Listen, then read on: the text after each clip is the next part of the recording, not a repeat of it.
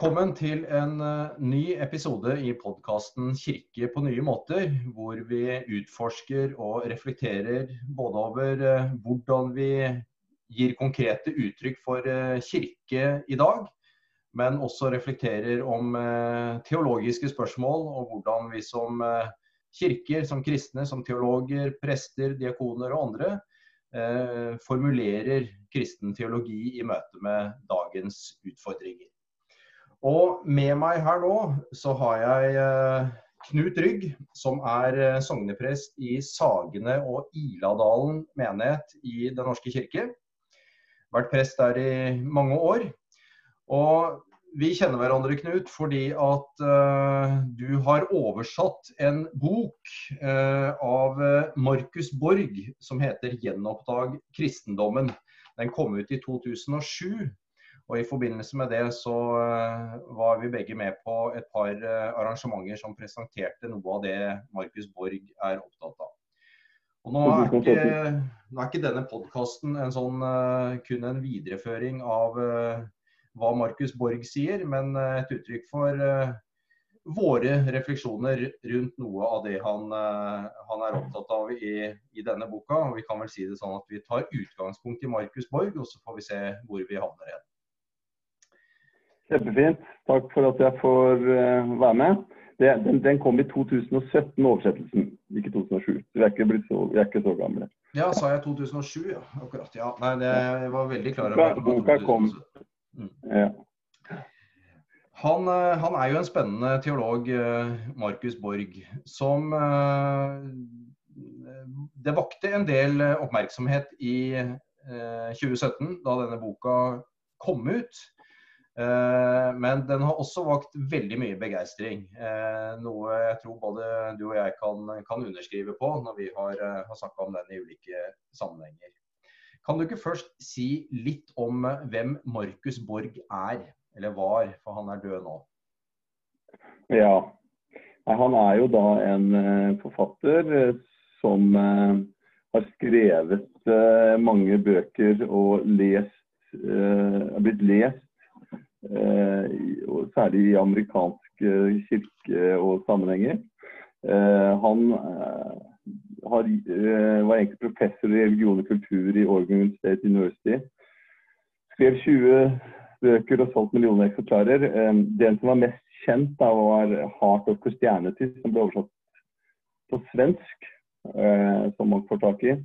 Og jeg har lest gjennom hans forfatterskap, som for meg så møtte jeg en som eh, tok Bibelen på alvor og samtidig bar i seg en spiritualitet som gjorde at jeg for min egen del også fikk hjelp til å rydde litt i min egen trosforståelse, og som traff også min trosfortelling.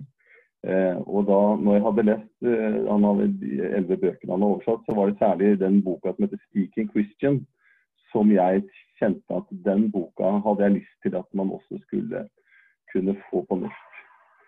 Så da fikk jeg oversatt den og kalte den tittelen 'Gjenoppdag kristendommen'. Eh, innsteget hans med den boka er jo også det er en litt oppsummering av Han har, han har en serie av bøker som har sånn 'Meeting Jesus again for the first time', 'Meeting God again for the first time', 'Meeting the Bible again'. Så han har mange bøker som det er 'Meeting again for the first time'. Og da var det en sånn oppsummering av mye av hans forfatterskap opplevde jeg var i denne boka. Som på en måte er del to av den første boka 'Heart of. Men den kunne man også få tak i da på svensk, så det var lett for norske lesere å lese svensk. Og um, Hovedinnsteget hans er at han da er bibelforsker uh, og viser oss hvordan Bibelen og de, mange av de ut, kristne uttrykkene som vi bruker, er blitt fanga og eh, er blitt formidlet på en måte som han mener er langt fra det opprinnelige meningsinnholdet i disse begrepene. Og mitt innsteg er også at jeg opplevde veldig mange rundt meg, også som prest og i sosiale setninger privat, at mange tok avstand. Når de sa 'jeg tror ikke på Gud', så spurte jeg fortell av den guden de ikke tror på. Og når de fortalte det, så sa jeg det er ikke den guden jeg heller tror på. Så at det, mange tok avstand fra kristendom på feil premisser. Og det hadde lyst til å ha et verktøy så de i hvert fall kunne få jobba litt med de begrepene og de gudsbildene og de kristne uttrykkene som de tok avstand fra, før de på en måte sa ha det bra, dette her er ikke noe for meg. Mm. Så det var for så vidt mitt Det var derfor jeg jobba for at denne skulle bli utgitt. Og så hadde han da ja. Nei, fortsett du. Nei, og, og, da var det hvert sånn Jeg har lest mye liksom, progressiv teologi og annen eh, teologi.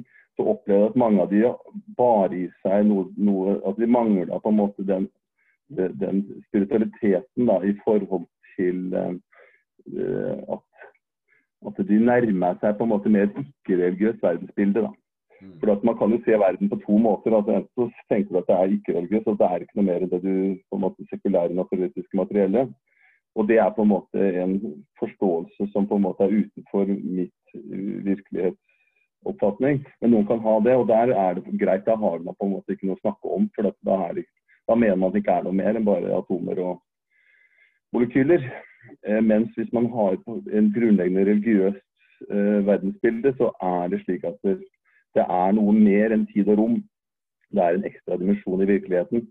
Og det er akkurat dette hellige, dette Gud, man bruker ulike ord, det er mulig å erfare og fornemme eller få glimt av. Da. Og at det er det innsteget jeg har opplevd at han på en måte Det er det, det, er det rommet han fanger, men samtidig så åpner han det opp istedenfor å lukke det. Mens mange andre forfattere opplevde det var på en måte mer sånn Det ble for sekulært. Da. Så Derfor så opplevde jeg at han hadde denne spiritualiteten og åndeligheten som var mye, mye mer eh, åpne. Mm. Mens mange også der. Og, og, Samtidig så er det jo en veldig amerikansk setting, men mye av den amerikanske tradisjonen nærmer seg mange av oss som har vokst opp. Jeg har vokst opp i skolelaget, vokst opp, gått på hall. at jeg har vokst opp med en sånn, Og mange som har vokst opp i kristne, pietistiske miljøer, kjenner igjen denne, denne bibelforståelsen og dette kristendomssynet som, er, som han prøver å utfordre litt. da. Og eh, da er vi på en måte rett inne i kjernen i hans budskap på en måte, og det som jeg hører at var det som, eh, som fanga din interesse. Eh, og Hvis du skal si noe om hva som er eh, ja, kjernen da, i hans eh, kristendomsforståelse, så, så er det, er det knytta til det han kaller himmel- og helvete-rommeverket. Ja, innsteget hans er jo at ja, eh, som jeg leser det, at vi er nå inne, mener han, i et paradigmeskifte. Eh, også i den kristne måten å tolke tradisjonen vår på og forstå kristendom på. Og Et paradigmeskifte er jo en, det er en grunnleggende måte å se helheten på. Altså, vi kjenner jo til eh, paradigmeskiftet med ja, når vi gikk fra heliosentriske Når vi liksom fikk da Copernicus og Galilei som liksom sa at nei, det er ikke jorda som er sentrum, men sola. Det var sånne paradigmeskifter da, som vi har hatt opp igjen med Darwin eller Einsteins relativitetsteori. Og eh, han mener, så jeg tror han er rett i det, at vi nå står midt oppi et paradigmeskifte inne på hvordan forstå kristendommen. Vi lever midt i den og er en del av den. Og han løfter da dette opp. Og hans to grunnleggende på en måte påstander er at han mener at det, det er to grunner til at vi har eh, ikke får tak i meningen i kristendommen. og Det er noe han kaller himmel-helvete-rammeverket, som ligger som en sånn kontekst rammeverk. Så alt vi leser blir som briller, der vi bruker dette som man kaller da, ikke for å være slem, men man kaller det himmel-helvete-rammeverket for å bare finne et ord på det. Som i, er liksom sentrale elementer, mener han. Eh, og det, det, er det ene. Og det andre rammeverket er at måten vi leser Bibelen på, at det er Vi leser den bokstavelig faktisk, og han mener vi skal lese, den mer historisk, metaforisk. Og Kort fortalt er den himmel-helvete-rammeverket er noe som er veldig kjent for oss som står i en kristen sammenheng. Det er altså Jesus døde for våre synder, altså for at vi skal bli tilgitt og komme til himmelen hvis vi tror på ham. Altså Det er liksom kort fortalt liksom, det er hele poenget med kristendommen.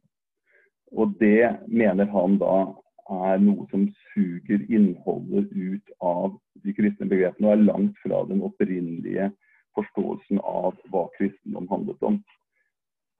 Jeg vet ikke om jeg kan si kort hva han da på en måte bruker, men det er i hvert fall dette himmel-helvete-rammeverket mener han da handler om at vi har hele tida Poenget med å være en kristen er å komme til himmelen. Altså Det er det hinsidige som er grunn, eh, på en måte, grunnen til å være kristen. Og håpet om dette velsignede livet, det er det som er det sentrale. Og frykten da for det motsatte. Mm. Og så har vi en utfordring, for vi har ikke liksom adgang dit. Så der synden er på en måte det som er det sentrale temaet i våre liv i forhold til Gud, som blir det sentrale poenget i forhold til hva kristen handler om. Og da er tilgivelse løsningen. da. Vi, vi fortjener å bli straffet, så synd og tilgivelse er det andre elementet. da.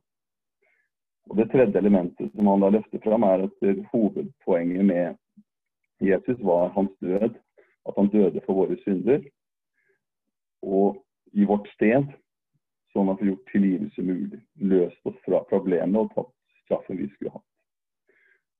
Og For at de skal få del i det, så er det fjerde elementet, og det er tro. Og tro da forstått som et, og bekreftet sett med kjernen som samme. Og Det er det Gud ønsker oss. Det er at vi skal tro det gjøres mulig til å komme til himmelen. Mm.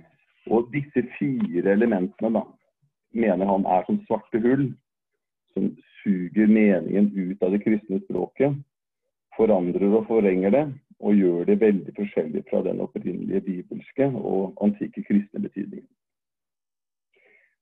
Og denne er jo veldig kjent. altså det er jo Jeg gikk på skolelaget, og så hadde jeg jeg har en venn som har gitt sitt liv. var liksom sangen vi sang på konfirmantsleir. Så, så det er jo en, en, måte å forstå kristendommen på som er, har vært veldig dominerende, og som er dominerende. Uh, og Han sier ikke at dette er helt feil, men han sier at det, denne ensidige fokuseringen på dette ene bildet mm. tar bort hovedpoenget fordi hans innsteg er at det, det handler ikke om at målet er noe hinsidige, og at Gud ønsker oss at det eneste Gud egentlig er opptatt av, er at vi skal komme et eller annet sted bakenfor. Men det handler også om transformasjon her og nå. At det er på en måte på denne siden. Så han mener at frelse, nåde, synd er da begreper han i denne boka løfter fram for å vise at dette handler da også om noe som er her og nå i dette livet.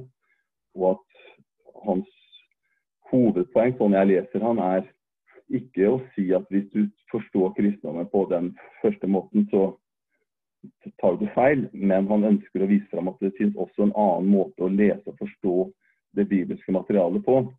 Og jeg tenker at den for det er veldig mange som har da tatt avstand fra Bibelen og den kristne tro fordi det er den eneste på en måte, måten de har forstått at de må forstå det på. Mm. Eh, og hvis du da har eh, denne og det andre, jeg kan ta det andre elementet også er jo også at det, måten du leser Bibelen på, så er det da slik at du leser Bibelen da på en helt Når du leser Bibelen, så er det liksom autoriteten er at du skal tolke det bokstavelig absolutt. Da. Og det er en veldig tradisjonell bokstavtroskap. Eh, men da er det slik at det, man har utgangspunkt at Bibelen er ufeilbarlig og er liksom den endelige åpenbaringen fra Gud. Skal tolkes bokstavelig absolutt. Og det er jo en stor konflikt som vi har hatt i kirken, eh, særlig den siste tiden. Men med det innspillet så løfter han i hvert fall opp da, det, det som den andre store hovedutfordringen med den tidligere, eller den ene måten å forstå Bibelen på, er hvis du har en eh, sånn himmel-helvete-rammeverk, at alt du leser handler om dette, så du har det som briller, og alt du leser er på en måte leser du liksom bokstavelig faktisk, så havner du da i en kristenforståelse som er veldig definert og lukka og så løfter han fram en alternativ kristendomsforståelse som tar Bibelen på alvor. Og der han løfter vekk og gjør oss oppmerksom på at vi må ta av oss disse himmel-helvete-rammeverkebrillene. Og så må vi da lese ikke bokstavelig, faktisk, men historisk, metaforisk av hans innsteg. Mm, mm. Og da handler historisk om at vi må sette den bibelske og det kristne språket inn i sin historiske kontekst. Så vi må først spørre hva betydde disse ordene i de samfunnene som brukte dem, de som skrev dem. Hva betydde de i deres da? Og denne tilnærmingen er da mer ute etter hva er dets mening. Eh, og metaforisk tilnærming betyr ikke at det ikke er liksom, At det er bare liksom ikke betyr så mye. Men det er ofte at religiøst språk bruker metaforisk tilnærming. Da. Og at den metaforiske tilnærmingen hjelper oss og åpner opp de bibelske fortellingene, mens den historiske, faktiske lukker fortellingene. Mm. Så I den boka så går han da gjennom 24 eh, eh, elementer eh, om disse ulike kristne ord og begrepene, som går da fra frelse, hvordan Bibelen, Gud, Jesus, påske, tro, ja, det er nåde, rettferdighet, synd, tilgivelse. Ja, født på ny. Altså det er, så, så, så, går det gjennom litt sånn Det blir litt en sånn liten sånn tros... tros hva heter det? Troslære. Ja, jeg vet ikke, altså Katekisme eller sånn For å åpne opp, da. Slik at man kan kunne bruke disse ordene og så på en måte ikke allerede skjønner, man skjønner at her ligger det noe mer. da. Mm. Og det jeg tror er at dette himmel-helvete-rammeverket, som er et uh, viktig element og viktig forståelse, har vært i vår tradisjon, som kommer fra Anselm og Canterbury, som brukte denne rammen i forhold til den objektive forsoningslære. Uh, det, objektive, det er mange av disse ulike forsoningslærene. Men den har vært så dominerende at den har tatt på en måte meningen bort, slik at vi nå sitter igjen egentlig bare med ett uttrykk som har tatt hele plassen, istedenfor at vi må forstå at dette er også en metafor for å uttrykke noe, og at denne metaforen må liksom eh, settes ut til siden og gi rom for andre som er like eh, Får fram det litt mer polofone eh, mangfoldet av bilder i, vår bibel mm. for å uttrykke mysteriet i forhold til Gud og hvem vi er. Du nevnte din, eh, din bakgrunn eh, sånn i eh, jeg håper å si, tunge tradisjoner i norsk eh, kristenhet. Eh, dette, er jo, ja. dette, er jo, noe som er forholdsvis annerledes enn det. hva tenker du at dette har gjort med deg? Det har gitt meg større frimodighet og større utfordringer i forhold til hva kristentroen handler om. Fordi i hvert fall eh, tidligere så var det i hvert fall sånn at den måten å tenke og forstå min relasjon til Gud på der det var bare fokusert på jeg gjorde synd, og jeg ba om tilgivelse for synd, så var jeg på en måte Jeg var i en sånn loop da, der transformasjonsdimensjonen i mitt eget liv eh, ble borte. da. Eh, og her opplever jeg å møte en kristendom som, er mye mer utfordrer, som utfordrer meg mye mer Eh, fordi den Jeg blir liksom ikke ferdig med det kallet som jeg opplever Jesus da eh, stiller i forhold til å kalle meg til å være med i Guds drøm om å forandre denne verden. Eh, og at det, den Det har gjort det litt vanskeligere, fordi den tidligere var lettere å ha, det var lettere å ha Gud i lomma med den første, opplever jeg. Mm. Her er det mer utfordrende i forhold til at eh, den nærme Ja. Den, den, det, det, er på Sånn jeg opplever det, er hovedfokuset her ikke at det, nå har jeg på det midt på det tørre, og det viktigste jeg skal gjøre som prest, er å prøve å få andre til å liksom skjønne at Jesus døde for deres synder for de skulle komme til himmelen. Så handler det mer om at mitt kall er egentlig å bli transformert selv og eh, hjelpe lokalsamfunn, kirke, menighet, familie rundt meg til å bli transformert, slik at de kan eh, skape den verden som Gud lengter etter, og at Jesus blir synlig i oss og mellom oss her i dag. Så har jeg jo hatt den helliggjørelsestankegangen tidligere, men jeg opplever at den også har vært sånn Ja, det er fint hvis du blir med med det, men den har liksom ikke Den har ofte vært veldig sånn lukka til det private rommet. da til en veldig sånn at synd på en måte Et begrep som er veldig synes jeg, spennende når Borg jobber med synd, er jo at han øh, viser at i Bibelen så omtaler Gud og profeten Amos byer som synd. og Det synes jeg er veldig spennende innsteg i forhold til at vi er så tradisjonelt oppvokst med at synd er liksom noe at når jeg har gjort noe galt, så faller jeg på en måte ut av Guds nåde fordi jeg har gjort noe under dyna eller holdt på med et eller annet. Mens synd handler egentlig om noe som også er mer i strukturene, som er i samfunnet, som er, jeg er en del av. Som ikke bare er en sånn herre Det er ikke bare meg og Gud, da, men det er også den utvider. Mm. Så Da bruker han et eksempel i forhold til synd at der, um, han nærmer seg, nærmer seg, det i forhold til at det er latskap. er i hvert fall å bare dilte etter, som et eksempel. Og, og da åpner det opp. da. Eh, sånn som bare gjøre Bare innordne seg og ikke prøve å være med å forandre. Og jeg tenker den dimensjonen i forhold til å være engasjert i verden rundt seg, i samfunnet, Eh, det og eh, drømmen om et annet type system, både globalt, nasjonalt og lokalt, det er den dimensjonen som jeg opplever blir tydeligere utfordra med denne forståelsen av kristendommen. Mens den andre har en sånn Verden er allerede kjørt, så det eneste jeg skal bare tenke på, er at jeg skal komme meg mulig. Kanskje? No, noe av kritikken har, har handla om at, uh, at, kristen tro gjøres altfor dennesidig, på en måte.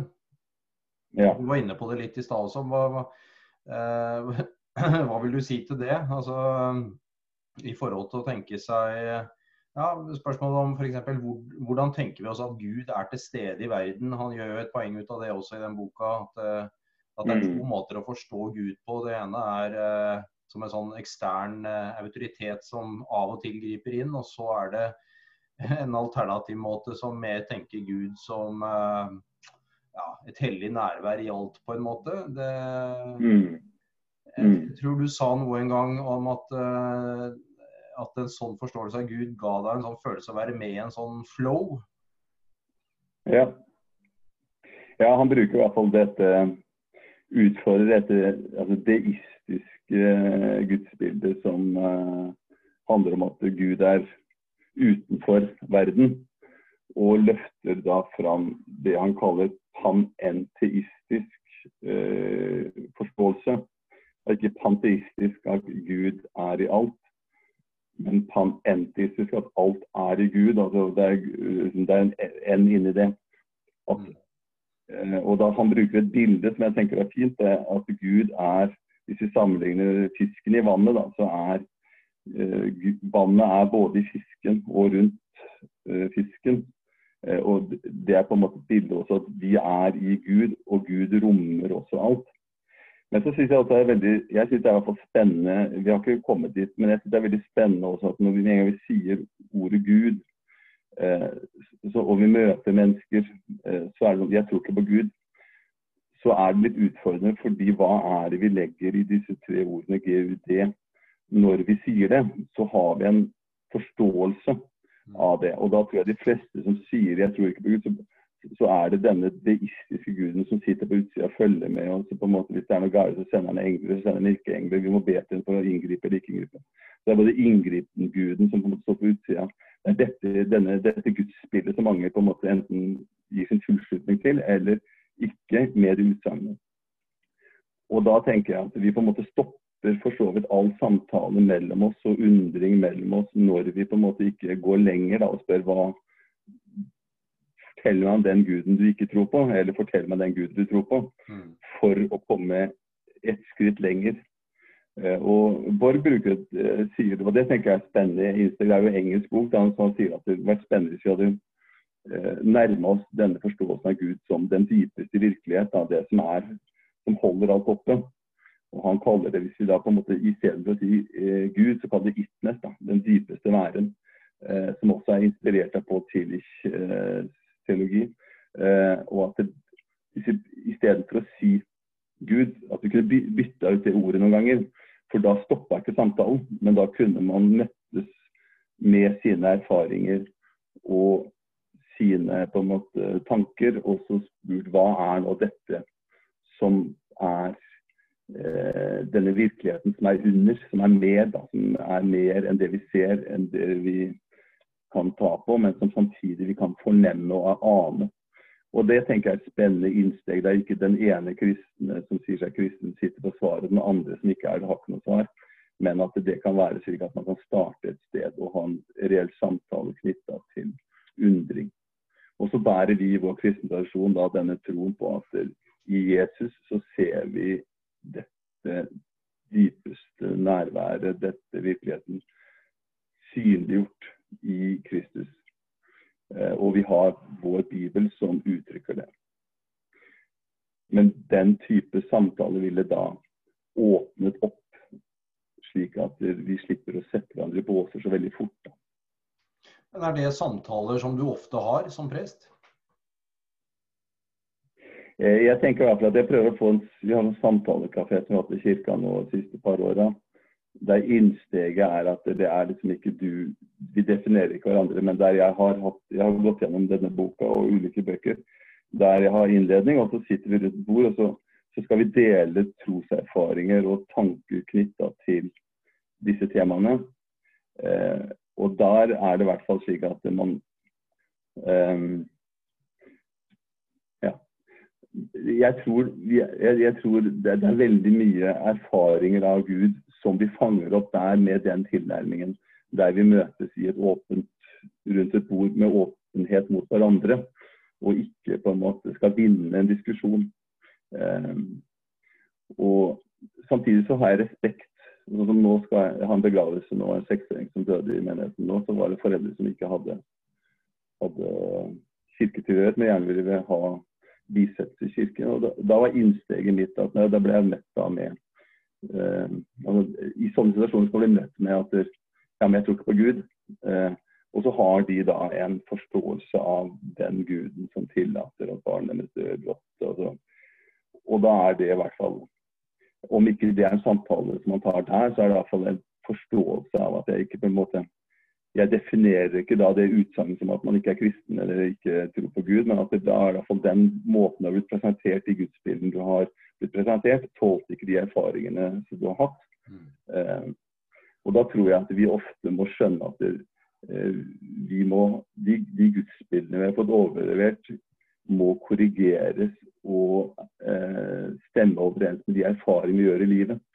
Og når vi får erfaringer i livet av lidelse, tap, så er det slik at noen sier at det, eh, nå tror jeg ikke på Gud lenger, så vil jeg heller si at det gudsbildet du hadde, falt ikke ut. Eh, det tålte ikke lenger, men da må, vi, da må du finne andre bilder eh, på eh, gudsbilder, eller på dette nærværet, mm. som gjør at erfaringene dine kan altså, som er i tråd med dine erfaringer. Og det har jeg merka som jeg veldig tidlig teologi så jeg gikk på Misjonshøgskolen og så på Hall, og da var det veldig tidlig sånn at eh, jeg opplevde at tro uh, skulle trumfe erfaringen i mitt liv. Altså, hvis jeg hadde erfaringer, så kom liksom troen som en sånn pepperkakeform og pressa seg ned. Så du kan ikke erfare det, for sånn skal du erfare det. Og jeg kjenner og tror at det er på en måte feil til med at liksom, trosdogmene skal trumfe erfaringene jeg tror dette er et samspill som eh, troen kan gi tolkning til erfaringen, og erfaringen kan korrigere feil eh, trosoppfatninger. Og at dette må spille sammen, hvis ikke så blir det ikke autentisk og eh, levende. Mm. Det, opplever du at dette blir på en måte litt sånn truende for noen? Eh, at eh, det rokker litt ved ja, mange av de tradisjonelle oppfatningene som vi har eh, altså utenfor kirken, men også i kirken, på en måte. Hvor mange på en måte finner trøst i det, det tradisjonelle. Da. Er det vanskelig, eller er det forståelse for det når du på en måte klarer å gå dypere inn i det, sånn som vi, vi gjør nå? Jeg tenker at i hvert fall i i, i, det, det, det, her handler jo om også måten de formidler f.eks. For eh, eh, håpet om eh, noe etter døden. Mm. Eh, at eh, jeg opplever at det, man må ikke da altså Det er ikke noen konsekvens å si at det ikke er noe etter døden. For dette her er for så vidt eh, ikke sånn at du skal ta bort eh, trøsten som ligger i at vi har holdt om og holdt av i dette liv. Eh, og at vi, vi, på samme måte som vi lever i Gud, så dør vi i Gud. Slik at det, eh, jeg tror all på en måte eh, teologi kan på en måte brukes litt sånn aggressivt til å liksom drepe, men jeg tror man må ha rom, rom for å se at dette det, den, I hvert fall i forhold til for min forkynnelse, min tanke knytta til at vi, er, vi, dør i Gud. Men jeg har uh, vært veldig tydeligere på at denne doble utgangen opplever jeg ikke er forenlig med det gudsbildet som jeg nå hegner om. Mm. At det hinsidige så er vi Og akkurat hvordan det er, vet jeg ikke, men jeg er ganske trygg på at vi dør i Gud, eh, og at vi er i det lyset som vi kom fra når vi går herfra. Men at denne trusselen om at vi, hvis vi eh, ikke tror, ikke gjør sånn og sånn, så går vi til helvete. Eh, den har jeg møtt flere som opplever at det er nesten litt kjært for dem å beholde dette fordi de opplever at det er liksom ja, Det er der det ofte aggresjonen kommer. da, At eh, mm. de vil forsvare liksom muligheten for fortapelse. da. Og der kjenner jeg kanskje det Jeg tror det er det punktet de nærmeste årene som Den norske kirke og andre kirkesamfunn eh, bør utfordres. For jeg tror det er en dogme som bør legges på den historiske gravhaug. Uh, og der tror jeg det er på en måte Det er der det kommer synligst, det er der det kommer tydeligst fram. da. Um, og, og, og, at den, for den, den, på en måte avslører gudsbildene du bærer med deg. Den avslører poenget, den, den, på en måte avslører. Og da er, det i hvert fall sånn at det, det er noe kjært du ikke har lyst til å gå glipp av, og så er det et vakuum hvis du slipper det. Og at I den uh, settingen så tror jeg det kan være i hvert fall sunt å ha lest og forstått at jeg mister ikke Gud, jeg mister ikke Kristus, jeg mister ikke håp om det evige liv om jeg samtidig tenker at Guds kjærlighet er sånn at den også favner inn alle. Mm, mm. Jeg tenker at En av kirkens eh, store utfordringer i vår tid, det er jo på en måte å være en uh, relevant samtalepartner for folk i tolkningen av sitt eget liv, på en måte. At vi eh, Det er vel noen som har sagt at Kirken har på en måte blitt eh, redusert til å være en sånn type seremonimester, sånn kriseagent eh, eh, og sånn. At folk har et ganske sånn selektivt forhold til Kirken. Men at altfor alt, alt mange som på en måte ikke er innafor, har har en uh, opplevelse at Kirken faktisk er en relevant samtalepartner da, når man skal liksom, skape tro, håp og mening og, og, alt det der. og det er vel sikkert som du sier, noe, mm. Mye av grunnen til det er at man på en måte konkluderer så tidlig uh, med noen sånne gudsbilder som man liksom tror at man må holde fast ved. Da, og da, da blir det på en måte feil. Mm. Det er vel litt sånn mm. når undersøkelser om ungdom sier at, at Kirken blir for det blir for trangt, det blir for isolerende, det blir for stor skepsis mot livet utafor på en måte. Og man klarer ikke i det lange løpet å holde tak i to virkeligheter, én i kirken og én ute. Det blir en for stor eh, stretch. Mm.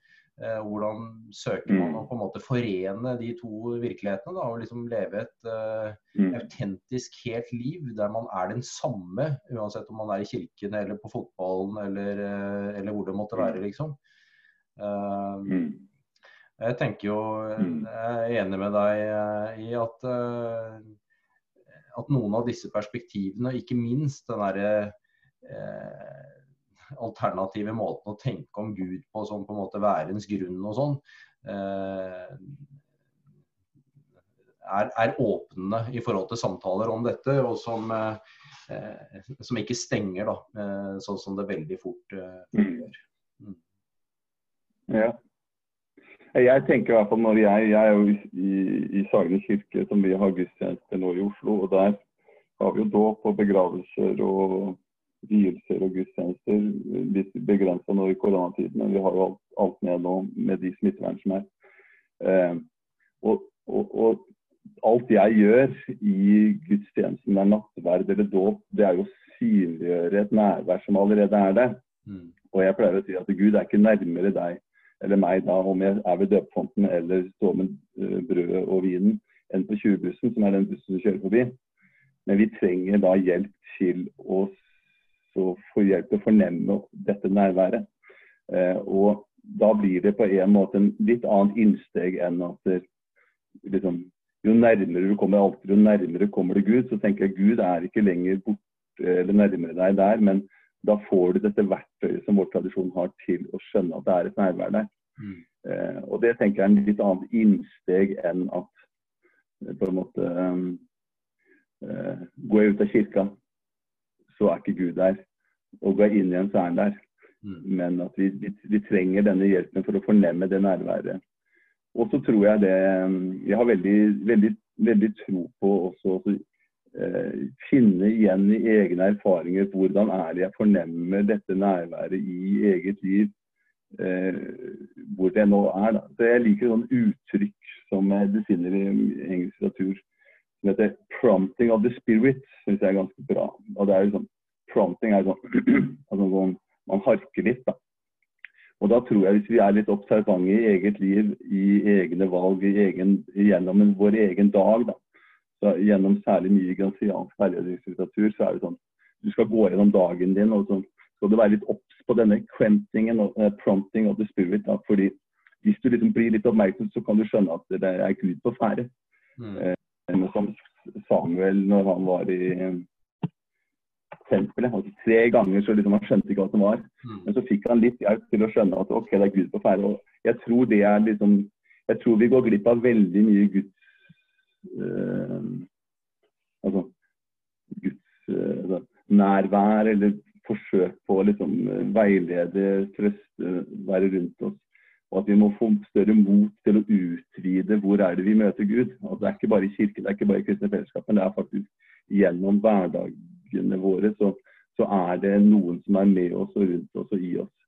Som ikke er som et sånn her eh, beskyttelsesforsikringsbevis, for det skjer vonde ting, men som er et følgebevis. Altså, Dåpsattesten er da ikke et forsikringsbevis, men et følgebevis. og dette, Den som er med oss, er Jeg har iallfall den naive troen at vi kan ane denne promptingen, da, denne harkingen. Og hvis vi blir mer og mer oppmerksom på den, så vil den også hjelpe oss til å korrigere, slik at livene våre også leves i tråd med sånn vi sjøl vil, og sånn som vi også er prøves å transformeres til å være. Mm. Mm. I mitt trosarbeid hadde jeg i hvert fall en sånn Jeg var så redd for å bli litt sånn eh, Ja, jeg ville følge Gud, og jeg var så redd for å bli en jeg ikke likte.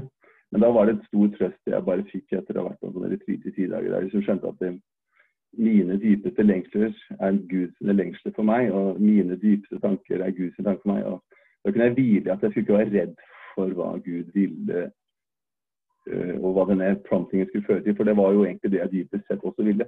Men da hadde jeg en angst for at det liksom Shit, hva, er du, hva vil du, Gud? Altså, sånn vil ikke jeg være. Men så kan du på en måte det, Og da tror jeg det er noe med den overgivelsen som ligger i det, som i hvert fall kan gi ja, som er bedre da enn Og det kan også gi muligheter. For da plutselig så møter du Gud på andre steder der du ikke trodde Gud var. da. Mm. i andre folk, i andre settinger.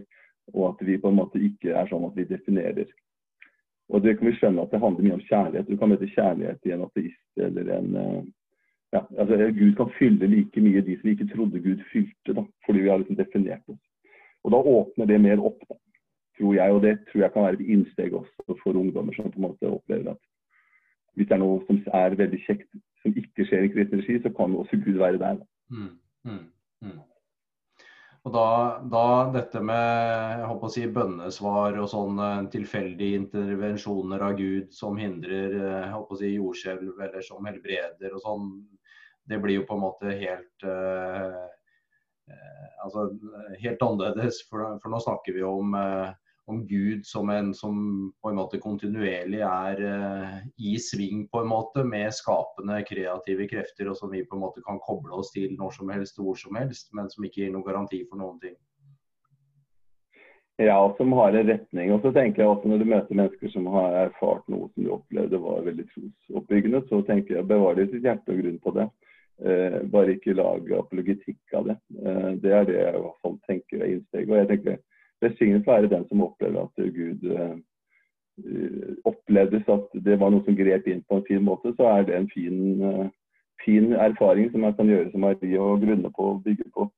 Men uh, at det ikke er slik at hvis noen blir syke, eller så, så, så, tenker jeg forbønn er viktig og fint å be for folk som er syke. For det handler også om at vi tuner vår oppmerksomhet inn på mennesker som lider, og blir oppmerksom på de. Og så kan vi legge de fram for Gud, for det er også vårt på en måte ønske at vi legger det fram. Samtidig så tror jeg vi må ikke tenke at vi har et gudsbilde som med en gang når ting skjer, da, hvorfor sendte ikke Gud engler for å stoppe varevognen som kjørte ned på E6 mot regjeringsbygget? Altså, hvorfor stoppa han ikke båten? Og så. Med en gang vi liksom, Hvorfor sendte ikke engler? Men vi har denne, dette gudsbildet med en Gud som på en måte ser alt og sender engler, ikke sender engler. Så, så, så går det an å på en måte leve med sånt gudsbilde og samtidig se sine medmennesker i øya, rett og slett. Mm. Mm. Ja, det, det er spennende, uh, spennende samtaler, Knut. Og det, nå har vi berørt noen av de perspektivene som uh, Markus Borg har i boka. Og du har også brukt dine egne ord uh, med utgangspunkt i Borg. Og det er sikkert mye mer vi kunne snakke om. Men, men boka er fortsatt mulig å få tak i. Og jeg vet at flere av menighetene, i hvert fall i Metodistkirken nå, som bruker den i ulike samtalegrupper osv. Så, videre. så det, det, er spennende. Du er jo, må jo sies å være en av de store ekspertene på Markus Borg, og en, eh, du er en eh, jeg håper å si, urban storbyprest som eh, på en måte står litt sånn i fremste rekke i forhold til å, til å utvikle teologi i møte med folk i, i 2020-åra framover. Så jeg syns dette har vært, vært spennende. og Takk for dine perspektiv på dette. Ja, jeg tror i hvert fall Det som jeg tror er viktig, da, det er at eh, det er ikke sikkert denne boka er for alle. for jeg tror Hvis du lever et transformert godt liv med den eh, tros- og gudsbildet du har, så tenker jeg ære være Gud og deg. og Det tenker jeg er fint.